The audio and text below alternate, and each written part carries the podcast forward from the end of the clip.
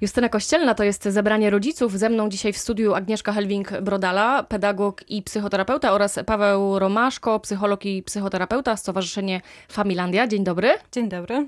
Witam Państwa. Rozpoczęły się wakacje, wysyłamy albo zaraz wyślemy mm, dzieci na kolonie, obozy, ale to wcale nie oznacza, że mamy wolno od rodzicielstwa, bo choć dzieci nie ma blisko, to u nas kłębią się w głowie myśli, czy one aby na pewno są bezpieczne.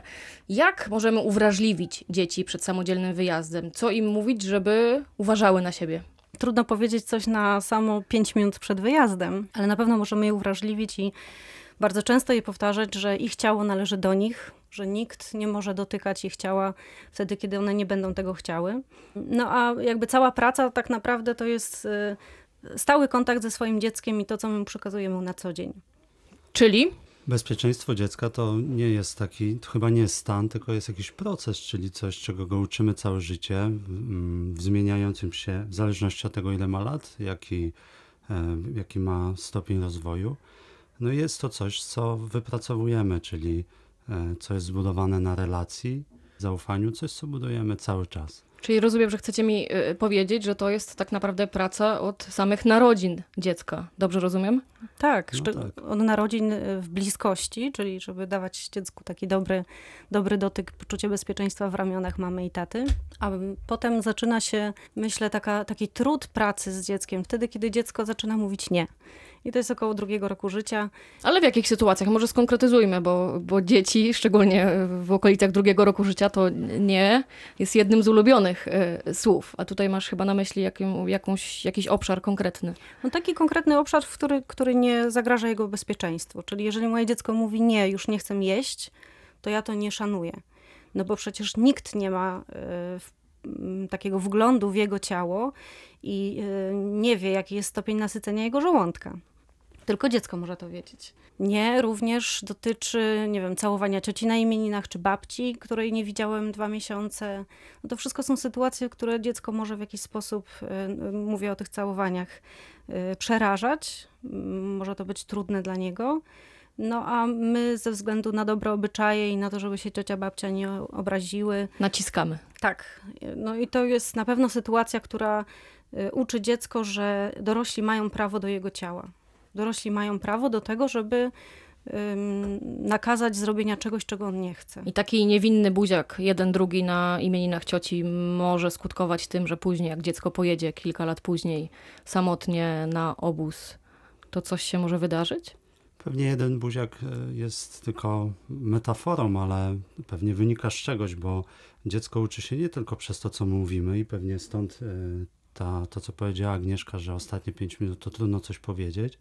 Tylko No mam wrażenie wręcz, przez... że to mówienie to nie No często właśnie, przynosi odwrotny wynika skutek. z tego, co pokazujemy, co modelujemy, czyli że uczymy dziecko, że szanujemy je i to, co ono mówi, jest dla nas ważne. Ja oczywiście, wiadomo, że tu się znajdą jakieś przykłady, kiedy, kiedy nie, może, nie, nie możemy słuchać dziecka, tylko robimy coś innego, nie wiem, w jakichś medycznych sytuacjach. Natomiast e, no, warto uczyć dziecko, że, że to, co ono czuje, że nie wiem, jest mu zimno, a my je dodatkowo ubieramy, no to, to też jest jakimś e, atakiem na nie. Albo jest mu gorąco, a my mu go dodatkowo ubieramy. Tak, źle powiedziałem, odwrotnie jest. Mhm. Najczęściej tak, najczęściej dogrzewamy. Czyli praca u podstaw, jednym słowem. Tak, tak. Praca u podstaw w tym sensie, że dziecko będzie szanowało siebie i swoją integralność wtedy, kiedy my będziemy je szanować i będziemy szanować jego integralność. To, że jest osobnym bytem, to, że ma swoje emocje, ma swoje potrzeby, to, to nie znaczy, że my jako rodzice mamy spełniać wszystkie potrzeby swojego dziecka, bo to jest niemożliwe, bo nie ma rodziców idealnych, nie ma też jakby świat nas frustruje i dzieci też muszą się tego nauczyć, że świat frustruje i radzić sobie z tą frustracją. Ale mówimy o takich podstawowych sytuacjach i, i znaczeniach, kiedy dzieci uczą się, czy są ważne, czy nie są ważne. Mówisz tutaj o integralności też ciała, e, tak? O jakimś kontakcie takim, którego dziecko może nie chcieć. Tak, tak. No to dobra, idziemy dalej. Mamy dwulatka, on wyrasta trochę.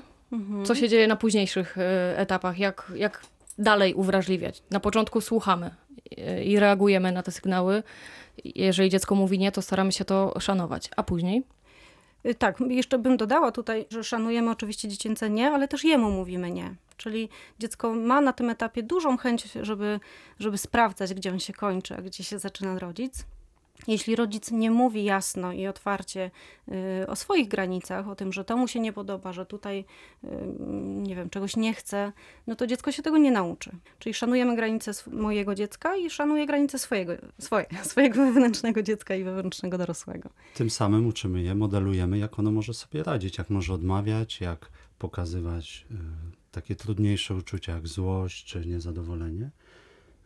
I uczy się tego od rodziców. Później pokazuje, czego się nauczyło. To potem y, co się dzieje? Trzylatek to jest taki wiek, którym y, dzieci odkrywają, że są różne płcie. Czyli y, chłopcy odkrywają, że mają penisy, dziewczynki, że ich nie mają. Jeśli mają rodzeństwo, to to może być też trudne dla nich, że, że mają waginy. Więc uczymy też szacunku do swojego ciała w tym sensie, że już prawie na tym etapie powinniśmy y, dzielić się trochę y, taką opieką, higieną. No to, to się zaczyna wtedy, y, dzieci mogą już się zacząć krępować na przykład. A jeżeli się nie krępują? No to, to jest to bardziej powiedzmy takie łagodne. Natomiast jak już zauważymy te pierwsze skrępowania, które już wtedy mogą się pojawić, no to trzeba to też uszanować. Też respektujemy. Tak, dokładnie. Jakby idziemy za tym. To mamy trzylatka, on jeszcze samodzielnie nie wyjeżdża, ale pięcio, sześcio, siedmiolatek już w pierwsze wojaże, taki bardziej odważny, wyrusza. Wyjazd dziecka na kolonie też można z nim omówić, czyli że może tak być, że nie wiem, ktoś może chcieć pomóc mu się ubrać, czyli może go dotknąć. No ale też mówimy o tym, że, e, żeby, że ono samo może wiedzieć, kiedy chce, żeby ktoś go dotknął albo nie dotknął. Samo Że to- decyduje o swoim ciele. Tak, że te wszystkie rzeczy, które robi albo ktoś z nim robi, to że tu nie ma żadnych tajemnic i że nam może wszystko powtórzyć, a jeśli e, ktoś by chciał od niego, żeby coś było tajemnicą, no to to już jest e, nie w porządku, że, że dziecko jednak może wszystko powiedzieć rodzicom. Tak, że, że są, jest coś takiego jak złe tajemnice. Takie, które y, wymuszają, wtedy, kiedy dziecko się czuje źle, wymuszają milczenie. Więc to jest zła tajemnica. Nie, nie, nie, uczulamy je, że jeśli ktoś y, chciałby w taki sposób y, je mm, przekonać do czegoś, to to może nie być dobre dla niego samego. Czyli taką sytuację możemy, pewnie może być to zabawna sytuacja, bo możemy sobie z dzieckiem to omówić, czyli spytać, co, czego się obawia, co tam na wyjeździe może być, czego może nie być, co by chciało, czego by nie chciało. No i też my jako dorośli możemy przewidywać niektóre wydarzenia i o tym mówić i jakoś je próbować Oswoić. oswoić, wyobrazić sobie, co może być. Jak ma sobie poradzić z tęsknotą, jak ma sobie poradzić z, mm, nie wiem, z tym, że czegoś tam nie dostanie, albo że będzie coś chciał, a będzie się bał powiedzieć. To trochę tak jak wrócę do tego przykładu z rowerem, jakbyśmy pierwszy raz jechali z dzieckiem gdzieś ulicą, chodnikiem, gdzie jest ruch, no to też możemy się umówić, co będzie, jeśli nagle, nie wiem, ja przejadę prze- na zielonym świetle, a ono zostanie. To co robimy? Czy ja czekam, czy jesteśmy w kontakcie? No i myślę tu dokładnie to samo, czyli gdyby się źle czuło, to czy może zadzwonić, Ale jak to wyważyć, żeby ten komunikat z naszej strony też y, nie szedł taki, wiecie, że uważaj, bo się może przytrafić coś złego, świat jest zły i w ogóle czyha wiele niebezpieczeństw na ciebie. Gdzie jest ten złoty środek? to nie zawiera się w słowach, myślę tak bardzo, że to jest postawa rodzica i że modelując, czyli pokazując dziecku, jak my się zachowujemy, to ono e, więcej widzi, więcej odczuwa niż przeniosą słowa. No bo e, ja często daję taki przykład, że jak dziecko na przykład się przywróci, e, takie małe, to patrzy na rodzica. Jeśli rodzic ma taką nadmiarową reakcję i tam już chce go e, prześwietlać, no to dziecko zobaczy y, jakieś Że stało się coś złego. Coś się stało. Jeśli rodzic popatrzy i idziemy dalej, no to dziecko pewnie nie widząc y, jakiejś nadmiernej reakcji, też nie będzie za bardzo y, pobudzone, wkręcone. Czyli znów wracamy do punktu wyjścia. Tak naprawdę wszystko w dużej mierze zależy od nas i od tego, jak od pierwszych chwil zajmujemy się dzieckiem, opiekujemy się nim i jakie komunikaty do niego kierujemy.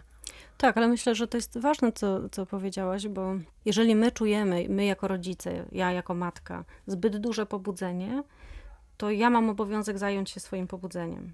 Czyli jeżeli ja bardzo boję się, że moje dziecko teraz wyjeżdża, to moim obowiązkiem jest zwrócić się do, do męża, partnera, y, czy do jakiejś innej osoby bliskiej, przyjaciółki, matki, nie wiem, kogokolwiek innego, żeby to sobie obgadać, żeby to w sobie trochę unormować. żeby to trochę zracjonalizować też, czego ja się boję, co się ze mną dzieje. A nie wkładać to do głowy Tak. dziecku. Tak, a nie przekazywać to dziecku. Mhm.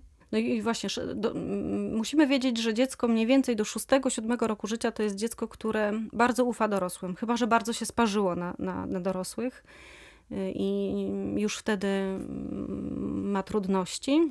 Natomiast w takim naturalnym rozwoju to jest dziecko, które bardzo ufa dorosłym, więc jak podejdzie ktoś obcy, to po prostu pójdzie za tym, więc ważne... Mimo, że my mówimy, ostrzegamy, p- mówimy, żeby absolutnie y, nie szło, prawdopodobnie ze względów rozwojowych, rozumiem, podąży za dorosłym. Tak, jest, jest, jest taka, takie prawdopodobieństwo. Myślę, że, że od tego trzeciego roku życia do tego szóstego ważne jest, żeby powtarzać często, że jak czegoś chcesz, to przyjdź, y, na przykład pójść, zobaczyć coś z innym dorosłym, to przyjdź, zapytaj mamy.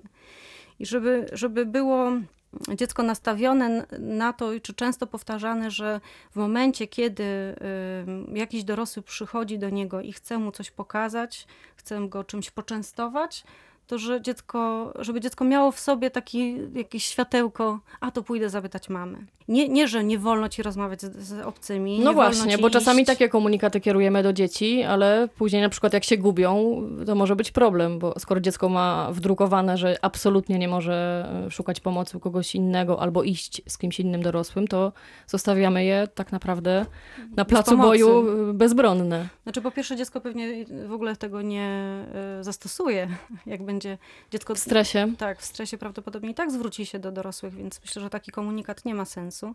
Jak zabraniamy dzieciom wielu rzeczy, to one i tak ze swoich takich popędów rozwojowych, żeby doświadczyć, żeby sprawdzić, one i tak pewne rzeczy zrobią.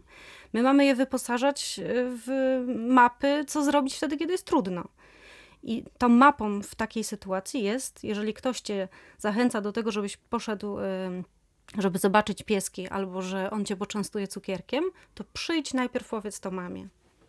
Oczywiście na wszystkie sytuacje nie jesteśmy w stanie wymyślić rozwiązania, ale pewnie e, są jakieś praktyczne metody. Kiedyś uczyło się, pamiętam, żeby w razie e, sytuacji, jak się zostaje samemu, to żeby szukać policjanta, czyli kogoś w mu- w mundurze.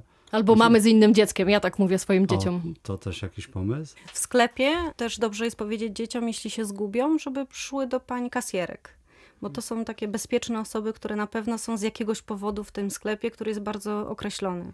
To jest rola społeczna, która nawet jeżeli ten ktoś, nie wiem, ma jakieś zapędy, nie wiem, pedofilskie czy jakiekolwiek inne, no to w tym momencie spełnia inną rolę społeczną i z całą pewnością nie zagraża naszemu dziecku. Jakie mogą być symptomy? Y, Załóżmy, że wysyłamy y, dziecko po raz pierwszy na obóz, na kolonię i słyszymy przez telefon, że coś jest nie tak. Jakie to mogą być symptomy? Co powinno zapalić naszą czerwoną lampkę? No teraz możemy wymyślić, ale myślę jakieś niedopowiedzenie. No, słyszymy ton głosu, znamy dziecko. To chyba bardziej bym szukał w sobie niż w dziecku. No, pewnie to się da jakoś przełożyć, ale e, szukałbym tego, jak rodzic się czuje. Jak się czuje zaniepokojony, to już ważna rzecz. No ale rodzic może być też zaniepokojony z tego tytułu, że dziecko po raz pierwszy wyjeżdża. Hmm. Więc szczególnie mamy mogą być e, takie mm, całe rozedrgane w związku z tym, że tracą z, oku, z oka swoje dziecko i y, sam fakt tego, że usłyszę tęsknotę w, w głosie mojego dziecka, to już może wzbudzić moje zaniepokojenie. Myślę, że można też wcześniej się umówić z dzieckiem, w jaki sposób będziemy ze sobą rozmawiać, w tym sensie, czy jeżeli będziesz potrzebował ze mną porozmawiać, to możesz zadzwonić. Wiemy, jakie jest nasze dziecko, czyli czy ono lubi opowiadać, czy nie lubi opowiadać co się dzieje wtedy, kiedy y, na przykład możemy sobie przypomnieć sytuacje, w których y, w cudzysłowie dziecko coś nabroiło. y, No bo taka sytuacja, gdyby to było na przykład wykorzystywanie seksualne, no to dziecko ma podobne uczucia, bo bierze bardzo dużo winy na siebie. Więc no możemy sobie jakby przypomnieć te sytuacje, w których dziecko w przeszłości y, Czuło się winne. czuło się winne, tak? I Zawstydzone. zawstydzone i jak ono się zachowywało. Ale tak myślę sobie, że To przez oczywiście telefon nie jest to jedyny symptom. Tak. Jeżeli by doszło do czegoś e, dramatycznego na takim wyjeździe, to, to, to nie, jedyna, e, nie jedyna wskazówka dla rodziców, bo takie poczucie winy może się pojawić jak stłucze talerz. No na, przykład. tak, oczywiście. No właśnie dlatego mówię, że to jest strasznie trudne, żeby to przez telefon. Myślę, że ważne jest, żebyśmy puszczali dzieci w miejsca, w których y, ufamy też, znamy ludzi, którzy to prowadzą. Chyba to jest takie najważniejsze. Symptomatyczna może być y, wszelka zmiana. Jak na przykład z bardzo gadatliwego dziecka robi się bardzo ciche dziecko, no to tutaj można by było się zastanowić, co się dzieje. I na odwrót? I na odwrót. Z takiego cichego dziecka nagle y, bardzo gadatliwe. Czyli zmiana zachowania taka radykalna Tak, może Tak, ale, ale powinna też... nas zaalarmować. Znaczy, mm, zaalarmować to jeszcze chyba za dużo. Po prostu dać nam jakieś Czujność takie czujność, co się dzieje. Bo być może, że to moje dziecko trafiło na super, jeśli było ciche i spokojne, trafiło na super e, grupę, bardzo fajną panią, która wydobyła z niego jakieś... Nie Pokłady śmiałości. Wiem, tak, tak, pokłady śmiałości, chęć e, dzielenia się, chęć opowiadania. Dobra, to na chwilę jeszcze wróćmy do młodszych dzieci. Jakie jest wasze zdanie na temat nagości na plaży? Bo co roku przetacza się taka dyskusja. Puszczać na golasa, nie puszczać. Za naszych czasów, tak patrzę, jesteśmy mniej więcej w jednym, w jednym wieku, to nie było nic zdrożnego. Dzieciaki biegały na golasa po plaży. Dzisiaj raczej się je ubiera. Co wy na ten temat sądzicie? Co byście radzili rodzicom? Myślę, że takim wiekiem, kiedy już na pewno y, może to być trudne dla dziecka przede wszystkim i dla otoczenia, które na to patrzy, no to jest już ten wiek szkolny. Powiedzmy przedszkolaki jeszcze, nie wiem, do czwartego, piątego roku życia, pewnie to y, jest społecznie akceptowalne. Natomiast później mam, mam poczucie, że już od sześciolatka wymaga się, żeby jednak ubierał się, chyba że jest na plaży nudystów z rodzicami. Ja myślę, że od dzieci można się dużo uczyć spontaniczności i jak się patrzy na takie e, dzieciaki, moje dzieci też w wieku trzech lat lubią e, biegać na golasa, to nie widzę w tym nic złego. Wydaje mi się, że to mm, samo się reguluje, że przychodzi taki wiek, kiedy już czuję skrępowanie i I wtedy słuchamy znowu. Mhm, tak. Postawimy kropkę w tym miejscu. Moimi gośćmi byli dzisiaj Agnieszka Helwing-Brodala, pedagog i psychoterapeuta oraz Paweł Romaszko, psycholog i psychoterapeuta, Stowarzyszenie Familandia. Y, Życzymy oczywiście dzieciakom udanych wyjazdów, a rodzicom niestresowania się i spokojnego przyjęcia i patrzenia na to, jak dzieci wyfruwają y, samodzielnie z domu. Dziękuję wam bardzo. Dziękujemy. dziękuję. Justyna Kościelna, do usłyszenia.